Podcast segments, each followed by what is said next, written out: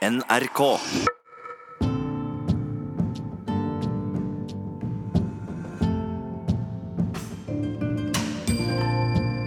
Dette er NRK P2. Tenk om Norge ikke hadde funnet olje. Hadde vi vært fattige? Hadde vi vært hyggeligere? Og hadde noen visst hvem vi var? Nå kan du bli med programlederne i Tenk om, Trine Bråten og Kristina Eklund, på piknik i parken.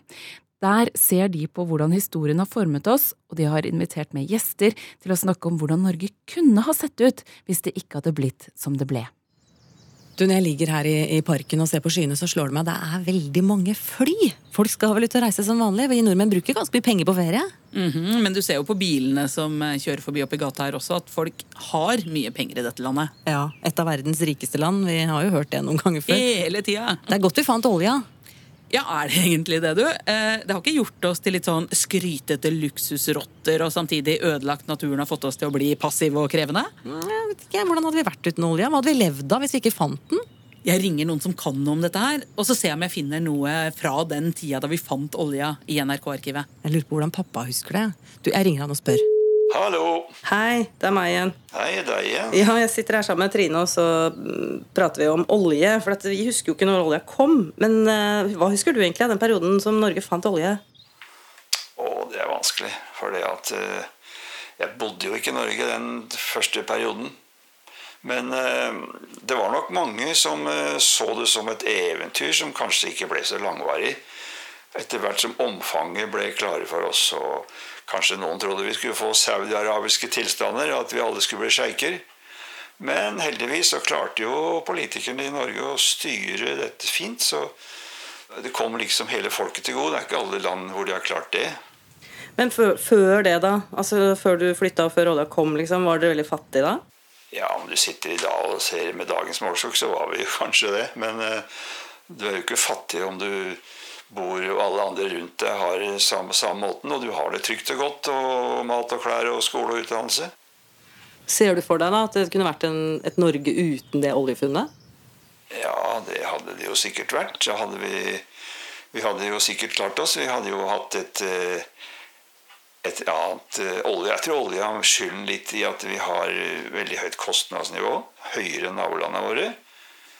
Og det tror jeg ikke er så kjekt alltid. Jeg tror kanskje et norsk statsbudsjett det er omtrent dobbelt så høyt per innbygger som hos Sverige og Finland. Så egentlig så hadde det vært litt fint om ikke vi fant olje? Nei, jeg tror ikke vi skal se det på den måten. Jeg tror vi skal synes det er bra. Ok. Ja, Vi snakkes, da. Ha det. Hei, ha det. Tenk om. Tenk om Norge ikke hadde funnet olje? Med Kristina Ekelund og Trine Bråten.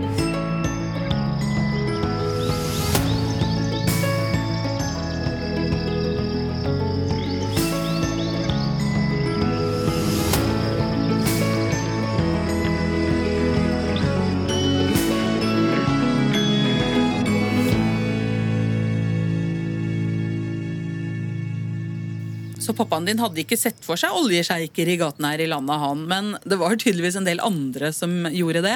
Jeg fant nemlig årskavalkaden til NRK fra 1970, og der snakka programlederne nettopp om det. Ola Nordmann som oljesjeik var et av de perspektivene som 1970 ga oss. På vårparten kom det opplysninger om lovende oljefunn i den norske delen av Nordsjøen, og fortsatte boringer bekreftet de oppmuntrende meldingene. Det ble ganske snart klart at en del av funnene er drivverdige, og som den første nordmann har industriminister Sverre Walter Rostoft kjørt bil med bensin som er laga av norskprodusert olje. Det som nå skal skje, er at Philips-gruppen setter i gang prøveproduksjon av olje på Ekofiskfeltet utpå nyåret. Ja, Det sa Gunnar H. Johansen og Sigmund Jacobsen i årskavalkaden til NRK i 1970. Du, Jeg har fått tak i historikerne Helge Ryggvik og Marlen Ferrer. Begge er på vei hit til oss i parken. Jeg ringte dem fra denne dyre, fine smarttelefonen min, nemlig. Det er klart du har en dyr, fin smarttelefon. Det har jo omtrent alle nordmenn. Se på de som sitter ved siden av her. Det er ikke billigtelefoner de har heller. Hei, hva heter dere? Eh, Jon Bråte. Hei, jeg heter Maja Hannistad. Jeg heter Martin Holvik. Hvordan ser dere det for dere hvis ikke Norge fant olja? Mange folk i brun serk. Mye sånn striesekk. Ja, Du tenker at vi hadde vært fattige? ja. Ja, vi hadde vært veldig, jeg, veldig jeg fattige. tenkte- jeg tenker det. Nei, jeg tror ikke vi hadde vært nødvendigvis fattigere. Fordi Norge har jo mange andre ting du får gode inntekter av. Um, turisme, fisk Vi hadde kanskje hatt en større oppdrettsnæring, men hvor mye penger er det egentlig i forhold Vi hadde kanskje olja? ikke vært det det rikeste landet i verden. Det hadde vi nok ikke. Men jeg tror nok vi hadde ligget kanskje topp 20-25. Hvor er det? Ja, topp Vi har, ja, vi 20-25. Ja, ja, hva har vi for noe? Ja, men svenskene og danskene har jo ikke. Hatt. Ikke sant? Så vi kan jo på en måte sammenligne oss. De har det jo bra, de òg. Ser ikke på dem som Ja, de har det bra, de òg. Svenskene har ikke funnet olje. De er vårt broderland. Og de har Ikea, de har Hense og Maurits, Mm. de har Volvo, de har laga Spotify nylig. Eh, ikke minst, de har ABBA, Ja. og de har jo ja, Robin, da, min, eh, min favorittartist. Eh, så svenskene har jo vært sinnssykt mye mer kreative enn det vi nordmenn har vært. Jeg føler liksom at olja, når vi fikk den, så sa vi OK, nå stopper vi alt. Nå kjører vi på med olja. Og så Nå har vi masse penger på bok. Ja. ja, så har vi masse penger på bok, men så har, så har vi liksom droppet å være kreative på andre måter enn olje. Det har kun vært en økonomi basert rundt olje og gass. Og har du en annen idé, så Nei, vent litt. Det tror jeg det blir vanskelig å tjene like mye penger på som vi gjør på olja. Vi legger den død, for det, vi tør ikke å satse på det, liksom. Jeg tror vi mennesker har en sånn overlevelsesevne. At man blir så kreativ når man først må. Ja. Det er jo liksom, hvis du vet at du har litt mindre å rutte med, så begynner du å bruke midler fra andre steder. Bruker kreativitet. Mens nå er vi litt sånn, vi har penger, så vi bare pøser på med penger. Og er det et problem? Ja, hva er løsningen? Penger. Det er løsningen. Ja, ikke sant? Kanskje hadde vi hatt flere eksempler på sånne stolte norske bedrifter og, og Ja. gründere. Ja. Sånn som, Ja. jeg tenker sånn, Nå har vi jo eh, vi har hatt eh, Snøhetta, arkitektfirmaet, som har liksom gått eh, på, på verdensbasis, blitt Ja. kjempestore. Kygo er kjempestor. Moods of Norway holdt vi i hvert fall på i ti år og lagde mote utenlands. og, og vi hadde a-ha ikke sant, som en sånn eksport eh, musikkmessig. Men kanskje hadde vi uten olje vært enda bedre på å liksom lage den type ting. La, finne opp eh, noe nytt. Og kanskje hadde ikke vært så veldig redd for å ta de sjansene det man måtte ta økonomisk. Ja. Fordi at man, man må jo finne Man seg en jobb. Man satser, må bare ja. satse. ikke sant? Vi, vi har ikke olje alene av oss på. Vi må bare Men økonomisk så var det visst ikke så gærent i Norge før man fant olja heller. I hvert fall ikke ifølge kong Olav. Han snakket om dette oljefunnet i nyttårstalen sin i 1970. Det er næringsmessig vært et tilfredsstillende år for vårt land. Og vi har fortsatt kunnet nyte godt av den høye levestandard vi har arbeidet oss frem til. Og det viktigste av alt er at vi har fått leve i fred. Nytt av året er de utsikter som har åpnet seg for at Norge skal bli et av de større oljeproduserende land. Vi gir vide aspekter og det økonomiske felt med muligheter for en ytterligere utbygging av de allmennyttige seksjoner innenfor vårt samfunn. Måtte vi vite å forvalte de goder som blir lagt oss i hendene, så de blir til velsignelsene og kun velsignelse for vårt land. Ja, Vi hørte kong Olav sa at vi hadde en bra levestandard i 1970, før vi fikk oljepengene. Historiker ved Høgskolen i Oslo og Akershus, Malene Ferrer. Hadde vi klart oss like bra uten olja? Det var en masse ting som hadde skjedd før vi kom over oljen. F.eks. At, eh, at vi hadde en politikk eh, hvor vi var opptatt av å fordele godene og sikre velferd. I etterkrigstiden så er det på en måte det mest slående ved Norge. En annen uh, sak er jo denne utdanningsrevolusjonen. eh, Som også er en del av det bildet med en høyt utdannet befolkning. Og det at folk begynte å utdanne seg, også bl.a. gjennom Statens lånekasse, er noe som begynte lenge før vi kom over oljen. Og der er vel, hvis vi ser oss rundt om i verden, så er jo det nøkkelen da, til velferd. Men har vi havna liksom litt bakpå, tenkt for mye på olja, mens de andre har måttet tenke på flere ting? Da? Det blir som den der veldig veldig pene gutten som ikke trenger å være morsom. Ja, du har kanskje litt rett i det, men samtidig så har vi brukt utrolig mye krefter på oljeindustrien. Jeg tenker jo eh, på alle Altså, eh, det er, for noen år siden så var jeg på sånn Da jeg fikk min egen disput, altså ble, fikk diplomet etter å ha disputert, så la jeg merke til at de som kom fra uh, Matnat, alle hadde, var koblet til oljeindustrien. Så veldig mye av vår kunnskap er jo koblet til den. Eh, De fleste eh, ingeniørene er jo oljeingeniører, ikke sant. Og, så jeg tenker at hvis vi ikke hadde hatt denne oljen, så hadde disse uh, smartingene valgt å bli noe annet, eller å eh, mer, produsere kunnskap om noe annet. Og da hadde vi kanskje eh, fått en industri som eh, som var noe à la det svenskene har hatt med sånn type Volvo og Finne med Nokia osv. Ja, så kanskje vi hadde vært et mye mer spennende land? Ja, jeg vet ikke om Sverige eller Finland er så utrolig spennende, da. Uh, egentlig. Men uh, ja, uh, Ja, men Hva tror du, da? Hva skulle vi liksom slått oss på? Nei, jeg vet ikke, Vi har jo denne fisken, da. Den har jo vært på en måte vår ressurs eh, veldig eh, langt tilbake i historien. Og vi har ikke kanskje alltid vært like flinke til å, flinke til å foredle den. Altså, Vi drev jo med tørrfisk, men jeg vet ikke hvor, hvor mye velstand vi kunne fått av det. Men det kunne jo være at man hadde fått i gang eh, forskning på det. da, Bruke havets ressurser på en bedre måte. Så har vi jo foredling. Mye fisk sender vi jo eh, ut av landet for eh, foredling. Kanskje vi hadde gjort det selv. Det er mange andre ressurser. Vi har jo mineraler osv. Så, videre, så det er sikkert et eller annet vi kunne funnet på. Men, men hvordan ser du for deg Norge da i 2017 uten oljefunnet? Jeg ser for meg kanskje litt mer nøysomt enn i dag. Eh, En litt annen mentalitet. Eh, Kanskje mer eh, respekt, muligens. Vi ser på finnene. Eh, De er jo har jo hatt et veldig bra skolevesen, eksempel. Og jeg møtte en finne som sa at grunnen til det var jo at de på en måte tenkte at alt kan bli tatt fra deg. Eh, All rikdom, alt eh, kan bli tatt, bortsett fra det du har mellom ørene. Det er kanskje noe vi har mista litt på veien. Denne, denne eh, lysten og gleden over å, å lære ting tenker jeg er ganske viktig også. Og det å vektlegge det som en verdi i seg selv, ikke som noe, et middel til noe annet. Men hadde levestandarden vår vært lik, tror du? Jeg tror den hadde kanskje vært litt mer nøysom.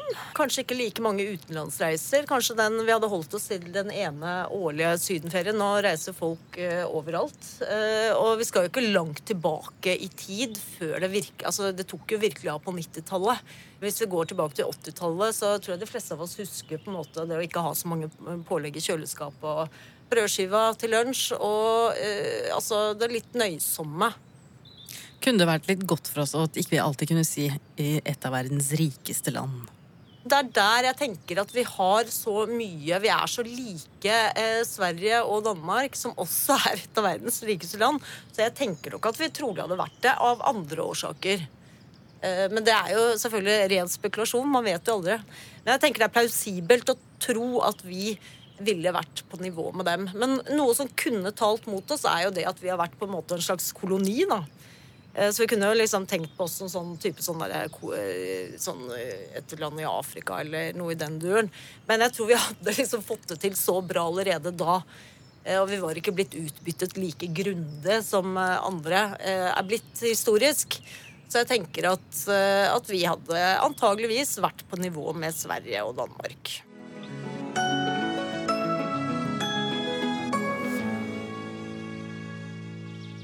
Takk skal du ha, May-Len Ferrer, og hei til deg, Helge Rygvik. Du er økonomisk historiker ved Universitetet i Oslo. Hvis du setter deg ned nå, så skal vi høre på et klipp fra september 1970. Da ble industriminister Sverre Walter Rostoft fra Høyre spurt om hvilken økonomisk betydning han tror oljen skal få for landet vårt. Og den kan komme til å bety forferdelig mye. Den kan faktisk innlede en helt ny æra her i Norge. Vi tenker på at bare dette ene funnet som er gjort, altså Ekofisk-funnet, for å bruke et uttrykk fra avisene, det vil jo formodentlig kunne gi den norske stat et sted mellom 100 og 500 millioner kroner per år i en 20-årsperiode. Og skulle man da også gjøre flere funn, noen for 62, som vi nå skal åpne opp, så er det klart at det kan bety en veldig stor innsprøytning av midler til dette landet, uten at vi i og for seg har utgifter. Og dessuten vil vel muligens disse funnene kunne komme til å bety noe for norsk industri. Vel, eh, vi har jo problemer til vårt land i dag, og jeg regner med at det blir det også fremover, blir det i og for seg ikke, ikke å, å, å- å skape så veldig mange nye bedrifter. Det blir vel det også, men det blir faktisk å skaffe arbeidskraft til den industrien vi har. Det er jo en veldig ekspansjon i sving, men det er klart at eh, oljefunn kan komme til å aktualisere produksjon av visse typer produkter, eh, mer avanserte produkter, og det kan jo være verdifullt å ta med det også. Så det vil altså på en måte bli snakk om nye typer industri? Ja, tenker da på utstyr til oljeindustrien, som er avansert utstyr, og kan vi få et marked for det her i Norge, så er det klart at da er det mye lettere å gå i gang. Og kan man selge det til selskaper som borer her hjemme, kan man sikkert også selge lette til selskaper som driver ute. Jeg tror det kan komme til å bety mye også for visse typer norsk industri. Og jeg tror at uh, f.eks. dette med undersøkelser som nå skal foregå på sokkelen i statens regi, kan komme til å stimulere veldig mange unge mennesker til å søke utdannelse i oljeindustrien. Det er et stort og interessant felt med store perspektiver, og det har noe av eventyr over seg. Og det er jo noe som alltid tiltrekker ungdommen, og med god grunn. Ja, Det var sånn statsråden så for seg fremtiden da han ble intervjua i 1970. Ja, og nå veit vi jo strengt tatt hvordan det blei, da. Men Helge Rygvik, hvordan hadde Norge sett ut uten oljefunnet? Ja, det er jo det som er det store spørsmålet. Sånn, altså Hvis vi går og ser på norsk eh, altså bruttonasjonalprodukt per hode, eller BNP per capita, som heter på fagspråket, da, så lå vi jo godt under gjennomsnittet i 1971 eller 1970, når dette klippet er fra. Og vi lå under eh, andre land i Norden. Eh, vi lå faktisk ikke veldig langt under Hellas. Altså, det kan vi jo sammenligne i dag. Det er andre grunner selvfølgelig til at det har gått opp siden vi har fått flere kvinner ut i arbeidslivet osv. Men relativt sett så er det klart at vi har, nå er helt på toppen i verden når det gjelder BNP per capita, og det skyldes olje. Det interessante er jo selvfølgelig å sammenligne med nabolandene våre, som jo hadde litt like forutsetninger. Men det er også sånn at Norge var da det fattigste av Danmark, Sverige, Norge den gangen. Sånn, vi lå ganske langt bak Sverige. Vi tok igjen Sverige så vidt tidlig på 80-tallet i BNP per capita, men så fikk vi problemer med lave oljepriser på slutten av 80-tallet og, og vi fikk eh, bankkrise og sånn. Og det førte til at Sverige tok oss igjen, selv om de også hadde sine problemer eh, med bankene. Sånn. Og så økte da produksjonen kraftig utover 90-tallet. Og oljeprisen økte kraftig på 2000-tallet, og da tok det virkelig av. Så den, den virkelige veksten faktisk i forhold til BNP per capita, altså hvor mye rike nordmenn er i forhold til andre, den kom på 2000-tallet, når oljeproduksjonen falt. Det er verdt å merke seg. da. Så Det er virkelig på 2000-tallet at vi har blitt mye rikere enn alle andre. Men det er likevel pga. olje? Ja, det er veldig mye pga. oljen. Det er selvfølgelig andre årsaker, men det er veldig mye av oljen, og det gjør oss selvfølgelig også veldig sårbare når vi ikke har mer olje. Hvordan hadde verden sett på Norge da hvis vi ikke hadde hatt oljen, tror du? Altså i dag? Nei, Det er jo helt avhengig av hvordan eh, økonomien ellers har utviklet seg. Sånn, eh, og det kan vi jo bare spekulere om. Ja, og det gjør vi. Ja, ja nei... Eh, ja, For det første så lå vi jo litt etter. Vi så jo, når vi bygde opp oljevirksomheten, så så vi jo at det var veldig mye potensielt bra på gang. Fordi at når denne leverandørindustrien utviklet seg, så spilte jo den på veldig mye av den forskningen og utviklingen som ble gjort innenfor mange forskjellige næringer på 60-tallet. Man hadde ambisjoner å bygge en atomindustri i Norge. Eh, man hadde ambisjoner om å styrke teleindustrien osv. Mye forskning og utvikling der. Eh, det var faktisk en stor våpenindustri i Norge. Mye forskning og utvikling der. Men generelt sett så var det satset ganske mye på ingeniørkompetanse. Og den kompetansen ble veldig viktig for å utvikle oljevirksomheten, og den hadde nok også vært avgjørende for å utvikle næringer etterpå. Og så, Allerede før oljen ble funnet, eller kanskje omtrent samtidig, så var det jo Norge i ferd med å utvikle en ganske sterk miljøbevissthet. Den kom jo nedenfra. Det var jo gjennom eh, sånne eh, aksjoner fra miljøbevisste eh, mennesker osv. Men det var i ferd med å endre oppfatningen. Man skal ikke tilbake lenger enn på slutten av 50-tallet og inn på 60-tallet at man hadde valgplakater med bilde av fabrikker og strømledninger og, og, røyk som kom fra disse fabrikkene. ikke sant? Men den oppfatningen var i ferd med å endre seg. Jeg tror at den miljøbevisstheten ville vært til stede i Norge minst like sterk. Og da kan man jo lure på hvilken rolle Norge hadde spilt da i den nye grønne økonomien som nå er i ferd med å utvikle seg internasjonalt. Eh, hadde vi f.eks. vært mye større på vindmøller allerede i Norge, som jo har mye vind og mye hav osv. Det er mange ting man kan spekulere med. Jeg tror det hadde vært noen næring. Jeg tror Norge hadde helt sikkert fått et norsk Nokia. Altså helt sikkert, veldig sannsynlig. Fordi at vi var ganske sterk innen den uh, forskningen, og minst like sterk som Sverige og Finland, som blir viktig der. Og det er helt sikkert andre områder man ville fått vekst. da. Sånn. Men uh, vi vet jo ikke. og altså, I verste fall så kunne jo vi vært en relativt bakeliggende, fattig del av uh, Europa langt der ute. sånn men nei. altså Norge er, er, var et pent land den gangen. Den gangen Kanskje turistindustrien hadde vært enda større. Altså Norge har jo slitt turistindustrien i alle år med at Norge er dyrt. Det ville ikke det vært eh, hvis vi ikke hadde hatt oljen. Da ville Norge vært et ganske billig land, og det hadde selvfølgelig kunne ført til investeringer, langt større investeringer i forhold til turistnæringen. Og turistnæringen generelt internasjonalt har jo økt, økt kraftig den perioden. Vi har ikke fått så stor andel av det. Vi hadde fått antageligvis mye større andel av det hvis vi hadde stått eh, uten oljen. Olja fant de jo, men hva hadde skjedd hvis oljeindustrien hadde blitt privat og ikke statlig? Vent, ikke svar ennå, for da må vi høre litt mer fra det samme intervjuet med industriministeren. For han ble nemlig spurt om statens rolle. De sa staten eh, skal være med i disse undersøkelsene. Kan det tenkes at staten eh, vil engasjere seg mer direkte i utnytting av eventuelle oljefunn? Det er vanskelig å svare på nå. Man vet jo aldri hva som kommer til å skje. Men i alle tilfeller så må staten forestå undersøkelsene, slik at alle norske får samme startgrunnlag når det gjelder boring, som utlendinger, uansett hva de måtte ha av økonomi. Når det gjelder statens eh, direkte engasjement i å bore, så tror jeg at det er en meget risikabel affære. Det kan bli en dundrende fiasko hvis de ikke finner noe. Eh, sånn som vi har tenkt å gjøre det, nemlig at vi så å si vi kjøper det loddet som vinner. Vi får ikke da den fulle gevinsten, men vi får vår store del av den. At det er en langt sikrere måte å bruke skattebetalerpenger på enn å gå i gang med noe så risikabelt som å bore etter olje. Hvert eneste hull kostet seg mellom 20 og 50 millioner kroner. Og nå har de jo boret en 30-40 hull, og de har altså gjort ett funn. De har ofret allerede en milliard. Så her er det så store beløp involvert, og så usikkert at å spille i eh, pengelottet er, eh, er nesten sikkert mot det å bore efter olje. Men det som er viktig for meg, det er at staten får maksimalt utbytte av denne naturressurs som da oljen på vår sokkel er.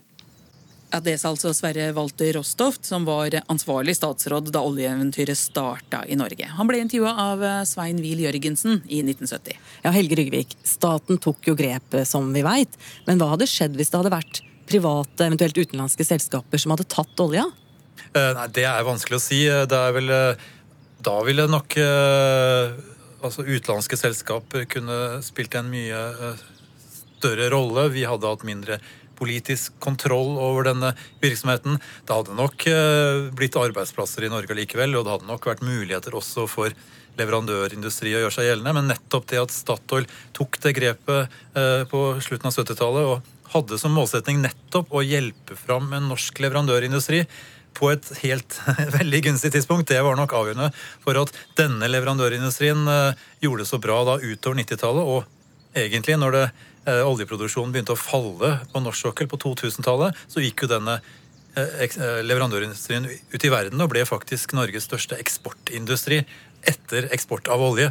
Eh, så sånn sett så var jo det en stor suksess. Men vi hadde ikke hatt den samme rikdommen, rett og slett? Nei, jeg, jeg tror at uh, uten, uten, det statlige engasjementet og bevisste, den bevisste politikken på å bygge opp en norsk leverandørindustri, det tror jeg var avgjørende. Det er klart at det har jo på en måte også skapt et problem for oss da, i dag. Fordi at måte, Det var jo en vellykket politikk, men det har da skapt en veldig stor industri som gjør oss veldig avhengig av den industrien når det er mindre olje igjen. Og vi har jo spesielt da etter år 2000, da vi, oljeproduksjonen begynte å falle, men vi ble reddet av at oljeprisene gikk opp, så fikk vi da, til tross for at produksjonen gikk ned, så fikk vi flere og flere folk som jobbet i denne næringen. Og politikerne på 2000-tallet har jo også måte, arbeidet aktivt for det. Men det gjorde oss veldig sårbare da når oljeprisen falt. Nå har den ikke falt helt på bånn, men det har jo da skapt en krise som vi er oppe i i dag. Så måte, det at vi lykkes med å bygge en vellykket industri, har også skapt problemer i overgangen til et annet samfunn. Uten Statoil, hadde vi hatt noen sånn tilsvarende arabiske oljesjeiker i Norge? eh, altså, Du tenker på at vi hadde fått noen sånne private selskaper som hadde spilt rollen som oljesjeiker osv. Det tviler jeg vel kanskje på. Vi hadde helt sikkert uh, fått forsøk på å bygge opp et privat selskap. Men det, det, alternativet til Høyre, Rostov som snakket her, var nok uh, Norsk Hydro. Og det var jo et forsøk fra den uh, delen av politikken sin side å gjøre det til det dominerende selskapet. Det var jo halvt statlig, så det ville jo hatt en slags politisk styring også med det alternativet. Vi hørte at han var redd for at de, de brukte veldig mange penger på å lete. Ja. Tenk om de ikke hadde gutsa og spytta i de penga? Altså, Noen ville nok lett uansett, at forventningene var enorme til norsk sokkel når uh, Ekofisk-funnet var gjort. Og Eh, Oljeselskapene fant jo eh, i løpet av veldig kort tid de aller største feltene på norsk sokkel. ikke sant? Statfjordfeltet, Gullfaksfeltet eh, og, etter hvert eh, Trollfeltet. Så alt det ble jo funnet på ganske få år. Og det tror jeg ikke noe, var noen stor utfordring. Eh, Utfordringen var egentlig at man har funnet så mye olje eh, tidlig på 70-tallet at eh, man eh, skulle nesten ikke visste hva man skulle gjøre med det. Eh, Så man utsatte jo konsesjonsrundene helt fram til 78 før det virkelig kom i gang igjen. Men da hadde man da norske selskaper som spilte en nøkkelrolle ved tildelingen. Da. Men det som var den store risikoen økonomisk var selvfølgelig, var jo at staten gikk inn og også tok på seg ansvaret for utbyggingen av disse feltene ved at de tok eierskapet. For med eierskap så måtte de også investere i, i feltene. Og det holdt jo på tilsynelatende å gå galt. Fordi at eh, når Stadfjordfeltet ble bygd opp, som da der staten hadde eh, majoritetsandelen, så var det jo staten som tok, regningen, og det viste seg å bli veldig dyrt. Og det ble eh, den første sånn industriskandalen knyttet til oljevirksomheten med store overskridelser osv. Så, videre. så store overskridelser at Stortinget på et tidspunkt vurderte at dette går gærent. Vi går med underskudd. Dette er for kostbart i forhold til hvor mye olje det er. Tenk på det. Men hva skjedde? Jo, vi ble reddet av Iran. Revolusjonen i Iran i 1979. Eh, oljeprisen tredoblet seg, og i 1980, når eh, Statfjordoljen kom for fullt utover 80-tallet, så hadde vi da altså en tredoblet oljepris, eh, og feltet var superlønnsomt. Og det har det jo vært siden. Ja, det er makt i penger, og det er penger i olje. Og det merka folk i 1973 og 1974. Det var jo ikke så lenge etter at vi hadde funnet olje selv i Norge. Da steg oljeprisene. For første gang siden krigen så var det jo rasjonering på bensin, f.eks. Og mange husker jo dette her kjempekjente bildet av kong Olav på trikken på vei opp i marka. Ja, Vestlige land fikk eh, bensinkrise og dårlig råd, men eh, i de arabiske landa så ble det luksus til gangs. Og alt skyldtes en konflikt i Midtøsten. Her oppsummerer utenriksjournalist i NRK Fritz Nilsen krisa i ettertid. Oljekrisen 1973-74, med firedoblingen av prisene, har ikke bare ført til at araberne har fått et nytt og farlig våpen mellom hendene i konflikten med Israel. Den har også skapt et nytt økonomisk sentrum i verden.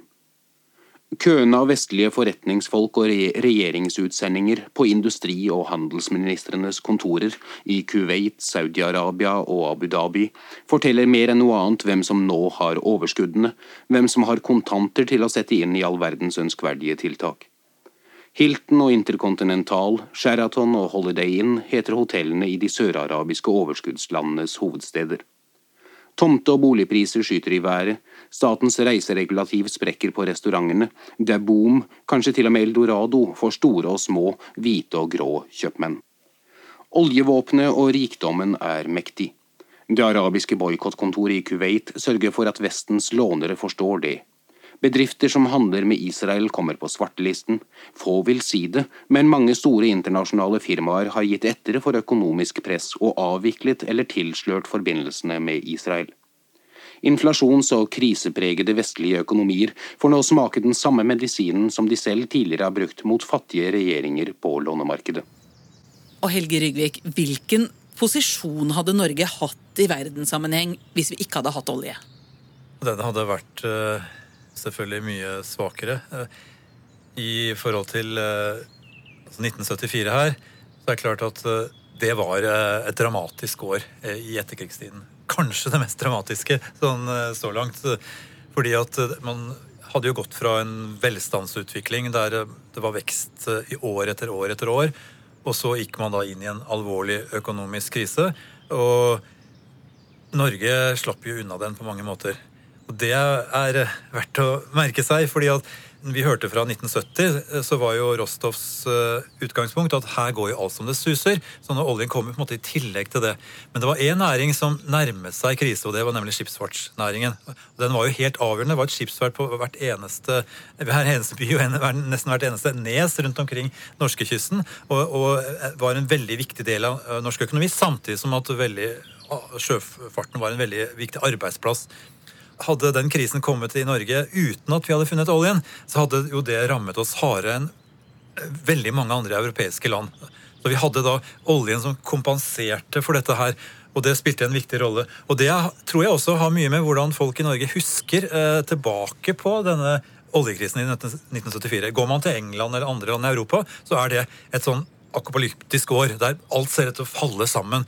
Eh, Man har strømstans, industrien stopper opp, det er streiker i økonomien osv.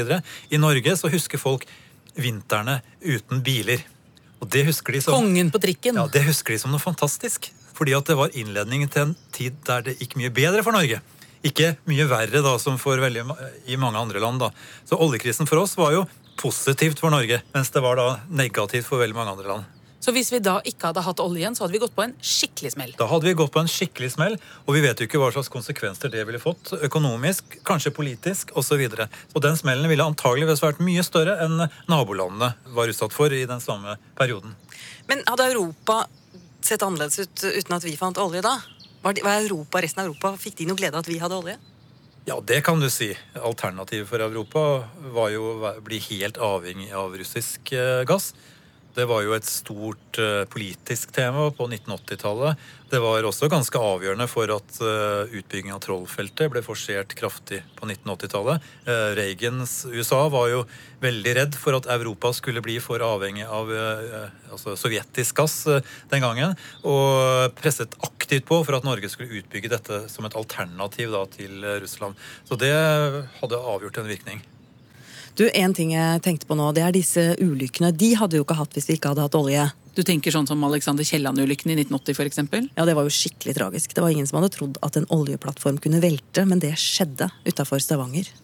Stavanger er en by i sorg. I Stavanger er kinoframsyninger avlyste, på restaurantene blir det ikke spilt opp til dans. I går hang flagget på halv stang over hele Stavanger. Folk har kommet over det første sjokket. Nå spør de hva er det som har skjedd, dette skulle jo ikke kunne hende. De første timene etter ulykka var det håp hos de som satt hjemme og venta. Men nå blir det mer og mer klart at over 100 mennesker har mista livet. Det vedgår også de som leter etter de savna. I Stavanger har folk vent seg til å ta imot ulykkesmeldinger fra Nordsjøen. Slike meldinger har det kommet mange av etter at oljearbeidet kom i gang. Men dette det virker helt uforståelig. At ei Bustadplattform med plass til over 300 men mennesker skulle kunne velte, det trodde ingen. Midt oppe i denne ufattelige tragedien er det også et spor av glede. Hos de som kom fra ulykka med livet, og hos de som fikk sine heim. Men det er selvsagt ei dempa glede, ei glede som blir overskygga av den sorga som rår i de heimene som ikke fikk sine heim. I Haugesund har Magne Misje møtt en familie som er samla etter ulykka. Ja, Torleif Endresen, du er blant de heldige som um, uh, er kommet hjem til familien din i, um, i Haugesund. Ja, det nesten et mirakel. Jeg kan ikke forklare det. Jeg, det, er umulig å forklare det. Hvordan ble du berga? Ja, vi eh, lå jo i, i båten ifra, ifra klokka halv sju til eh, tre om natta. Da ble, kom det et helikopter og fikk oss opp der. Tenkte du på familien? Ja, jeg må si det. Det var mange tanker som svirrer. Har du noen gang eh, tenkt på at det kunne være farlig å ha mannen din i eh, Nordsjøen? Nei. Det har jeg aldri trodd at det kunne bli farlig. Det er klart at en eh, jo lar tankene gå til alle arbeidskameratene som ikke Ja. opplevde dette. Jeg må si det. Det var seks av våre som ikke funnet ennå. Skjedde det veldig fort? Ja, det var fantastisk. Jeg eh, sto imellom et oppholdsrom der, eller en eh, proviant, og hadde slappet av. Og så ble jeg rent bort igjen eh, bort, bortover dekk, eller bortover tørken der, og det var mye olje. Og så satt jeg fast, og der fikk jeg rope om hjelp. Og samtidig, mens den kameraten av meg der fikk dra meg frem der, så, så velte en frityrgryte øh, ved siden av meg. Så det var, det var noe av det ufatteligste at jeg ikke ble helt skålla. Altså. Så fikk vi nok dra oss på knærne, meg og en hjelpemann som hånd i hånd og drog oss frem ned til livbåten. Så jeg ble sistemann der. Så jeg fikk jumpe ned mens de holdt på å båten. Og når vi kom ned i livbåten og hadde fått den på sjøen, så velta eh, riggen seg over eh, båten vår, og så knuste to plasser. Så vi var to plasser var åpent i livbåten. Ja, Torleif Endresen, kommer du til å dra tilbake til Nordsjøen igjen? Det er for tidlig å si det, men eh, jeg er blitt skremt foreløpig. Det sa Torleif Endresen og kona til reporter Magne Misje i 1980. 123 mennesker mista livet i denne ulykken. Det høres så forferdelig ut.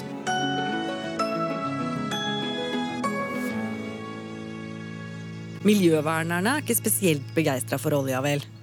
Nei, og det er det jo flere grunner til. Men hvor ille er det egentlig? Um, skal jeg ringe Bellona og Fredrik Hauge for å høre hva han mener? Ja, gjør det, så kan vi høre hvordan det var på Utsira på midten av 70-tallet. Der var det mye oljegris, og forsker Viggo Ree var ikke så veldig imponert. Tar man en nærmere titt inn i de forskjellige buktene rundt øya, så vil man ganske fort oppdage at det er samlet opp eh, store mengder med forskjellig søppel. Og blant alt dette søppelet så finner man også ganske store mengder med oljeklumper og oljeflak som har drevet på land. I hver eneste bukt så ligger det altså meter på meter med sånne lange plastflak, og alle er jo helt tilgriset med olje. Vi ser jo rett foran oss her, så er det jo svarte steiner som tidligere har vært lysegrå. Situasjonen er i grunnen ganske alvorlig. Eh, den undersøkelsen jeg foretok i fjor, den ga gav ganske skremmende resultater. Én runde rundt øya det resulterte i ca. 4500 forskjellige søppelgjenstander. Eh, blant disse gjenstandene var det også ca. 150 oljefat. Det sa forsker Viggo Ree. Og Severin Austrheim han bodde på Utsira og merket godt olja. Når en er ute på sjøen, så er det vel knapt en dag en kan si at en ikke har sett noe til olje. Trepinner og, og annet drivgods som ligger der, det er vanligvis veldig tilgrisa med, oljesøl. Hva slags tanker gjør dere, dere her på utsida? Dere, dere ligger jo så å si, i hvert fall i vindretningen, kanskje også strømretningen fra oljefeltene der ute, og altså da disse store eh, installasjonene som utvinner olje.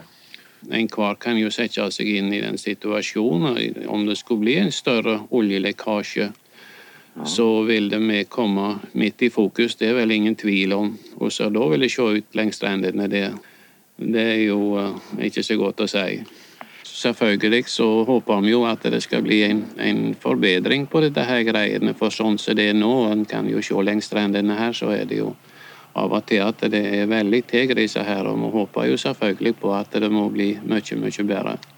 Og det sa Severin Austerheim det til reporter Arne Aasgaard i 1975. Og Fredrik Hauge fra Bellona, der var du kommet. Tenk om vi ikke hadde funnet olje. Hva hadde det hatt å si for miljøet? Det hadde i hvert fall vært slik at vi i Norge ikke hadde basert vår rikdom på samme måte på å forurense atmosfæren for alle andre mennesker på jorda. Og, og, vi er jo liksom bare fem millioner mennesker, så vi har en veldig stor del per innbygger av de inntektene. Og så blir jo det et spørsmål som på en måte ja, Det har kanskje et historisk interesse, men vi må kanskje gjøre oss ferdig med de spørsmålene. Og så må vi komme videre og se hva, hva er det vi skal leve av nå. For nå, nå er jo nettopp det vi kanskje må begynne på, er jo det vi kunne ha gjort for mange år siden hvis vi ikke hadde hatt olja. Men har olja hatt noen positive konsekvenser for miljøet? På noen måte?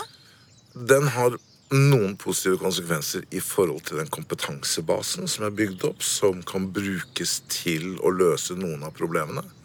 Og den har gitt oss finansielle muskler. Eh, det er klart at den, den teknologikunnskapen man har fra, fra oljeindustrien, den er relevant f.eks. For i forbindelse med offshore vindutbygging. Eh, den kan være relevant hvis eh, man nå ser for seg å flytte oppdrettsnæringen til havs. Vi har bl.a. innenfor maritim sektor, som har utviklet seg mye under oljeindustrien, utviklet god kompetanse på å lage det jeg kaller hybridsystemer om bord på båt. Altså koble sammen forskjellige motor, batterier, gass altså Koble sammen energisystemer. Noe som blir veldig viktig kunnskap når man skal bygge store fornybare energiparker i verden. Og er altså kunnskap vi ikke hadde hatt hvis vi ikke hadde hatt olje? Ja, Det er jo et annet spørsmål. Eh, det, er mange som spør ja, hva, hva, skulle vi gjort hvis vi ikke hadde oljen. men vi var veldig tidlig med å oppfinne mobiltelefonen i Norge. Varmepumpeteknologien eh, var vi først med. Mobiltelefonene gikk til Finland og Sverige. Varmepumpene gikk til Sverige. Så, så, så det er jo ikke det at vi ikke har evnet å, å komme opp med nye løsninger eh, uavhengig av oljen i Norge. Vi er jo ikke noe dummere enn alle andre. Skulle ønske vi aldri hadde funnet olje i Norge. Det, det, det blir pro and cons, fordi det er klart at midlene vi har fått gjennom oljen, gjør at vi kan bli et ledende land innenfor miljøvern. Og, og, og at vi kan bli et eksempel som skaper presedens. Og det, det har oljen gitt oss en rikdom som jeg i hvert fall opplever gjør at vi kan, kan leve med det vi har gjort på en bedre måte hvis vi putter penga inn i omstilling, enn om vi bare skal fortsette nå. Den uh, oljeforurensninga som vi hørte om i arkivinnslaget her, uh, med olje som flyter i vannkanten, hvor uh, farlig har den vært? Eh, det er veldig vanskelig å si, fordi at naturen er kompleks. Det er mange faktorer som påvirker ting. Vi har eh, store spørsmål f.eks. med hvordan har egentlig seismikkskytingen for å lete etter olje påvirket vandremennesker til fisk, sjøpattedyr osv. Vi er overbevist om at de effektene ikke har kommet eh, nok fram. Ja, det har vært, og det er betydelig kjemikalieutslipp i et økosystem som gjennomgår store forandringer med, med temperaturendringer på kort tid osv. Så, så Så at dette har hatt en betydning, ja, det tror jeg. Som vi hadde sluppet hvis vi ikke hadde hatt oljen. Absolutt.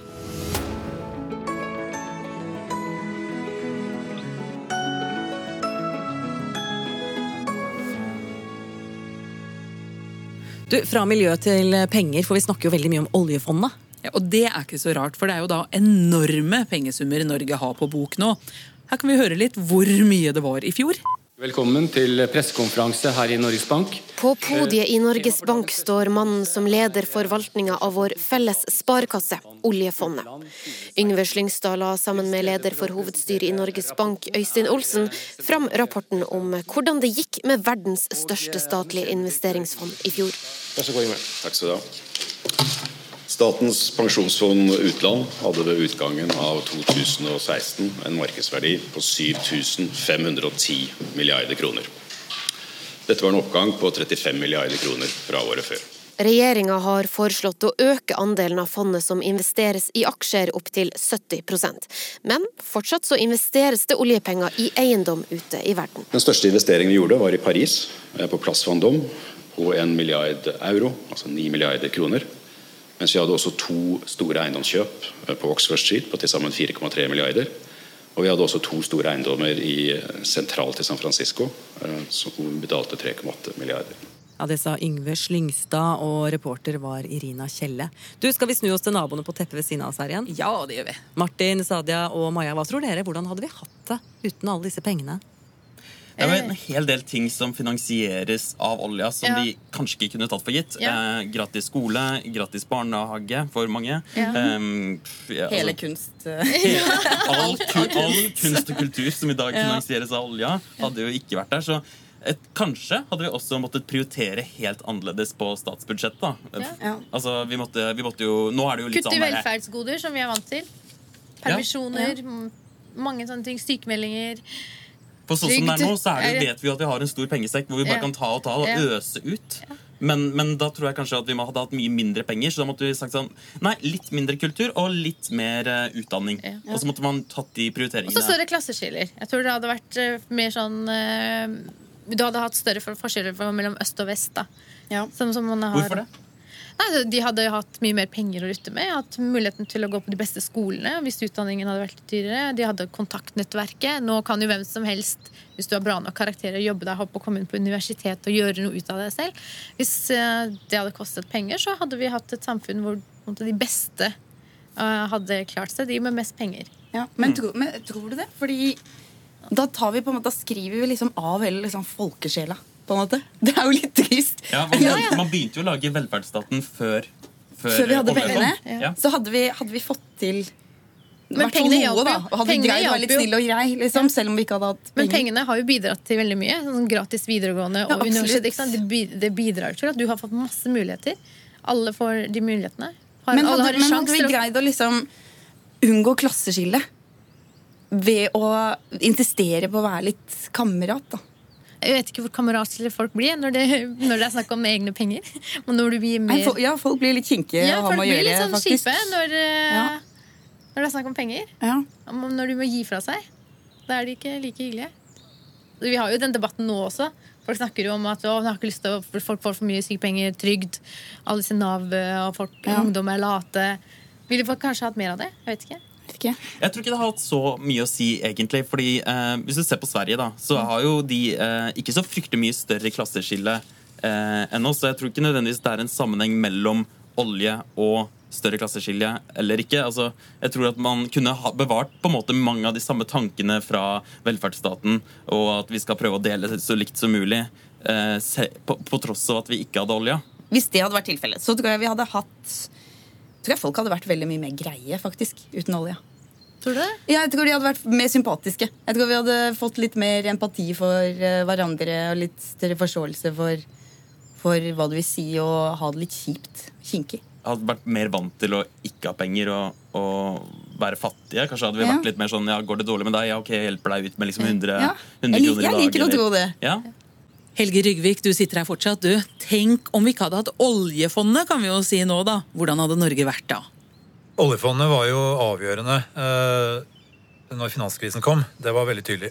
Og det gir selvfølgelig en veldig stor finansiell sikkerhet. Og den har også spilt en viktig rolle når vi fikk kriser nå i leverandørindustrien.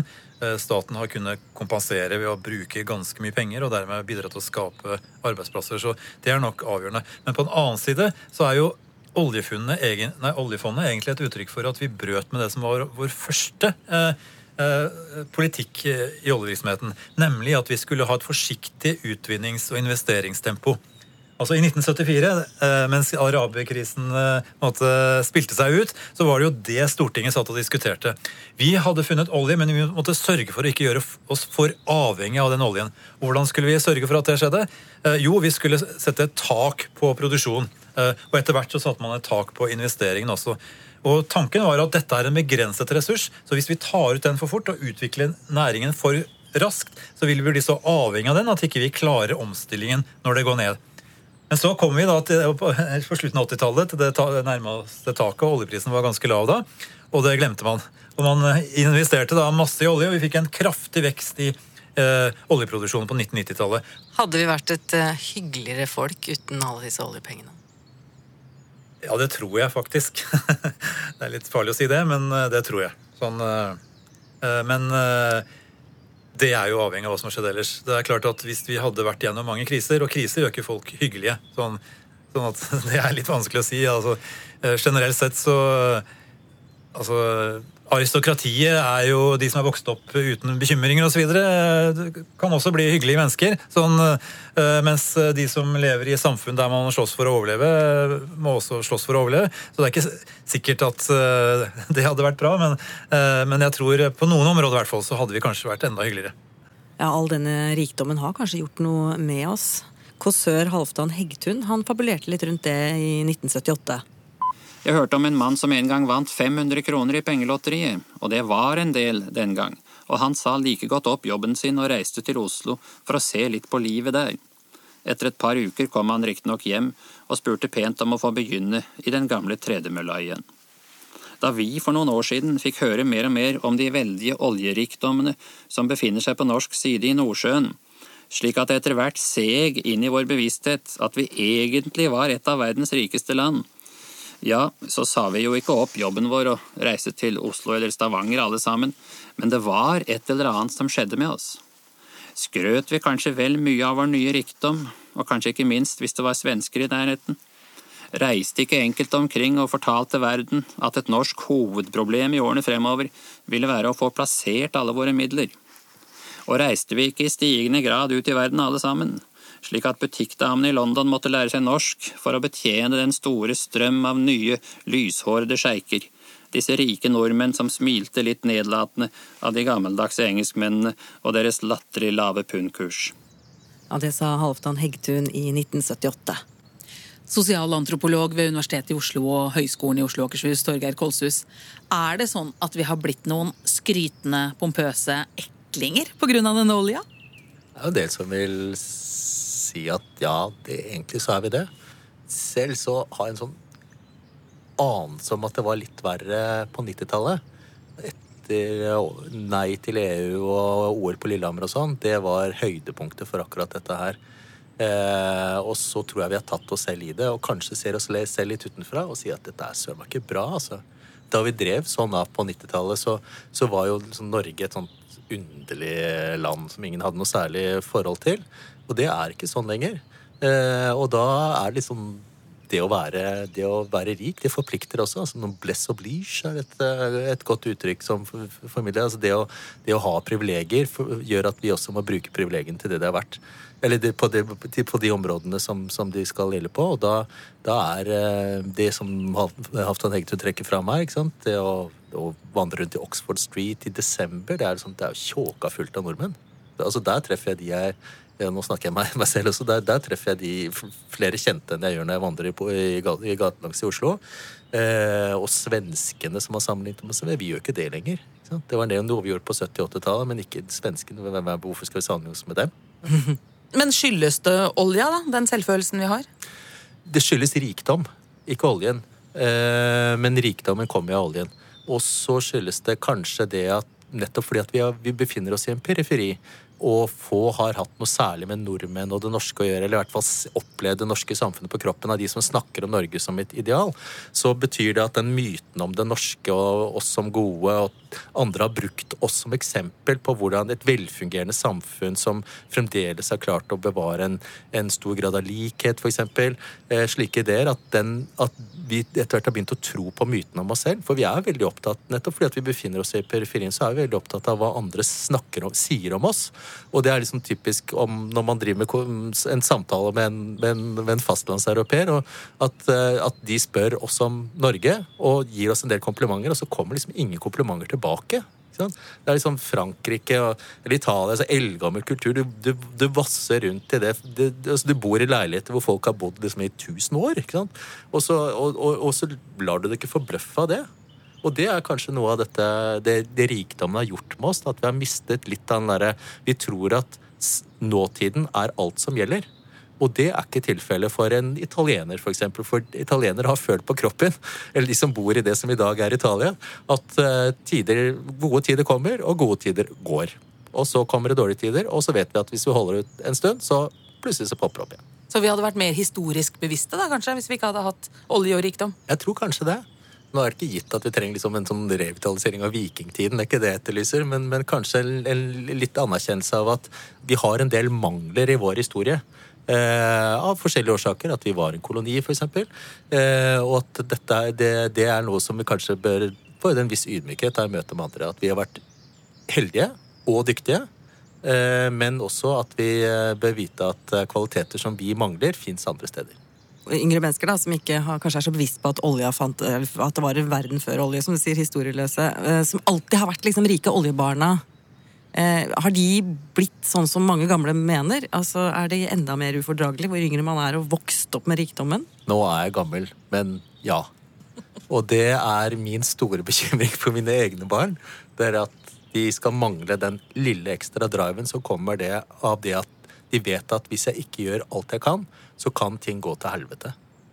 Eh, ikke til helvete, for de, de kan det ikke gjøre i Norge. Altså Det kan gå dårligere, men ordentlig dårlig vil det ikke gå en, for, for en som ikke legger opp til det. Eh, og den lille risikoen med et liv, den tror jeg faktisk er viktigere enn det å ha bare trygghet.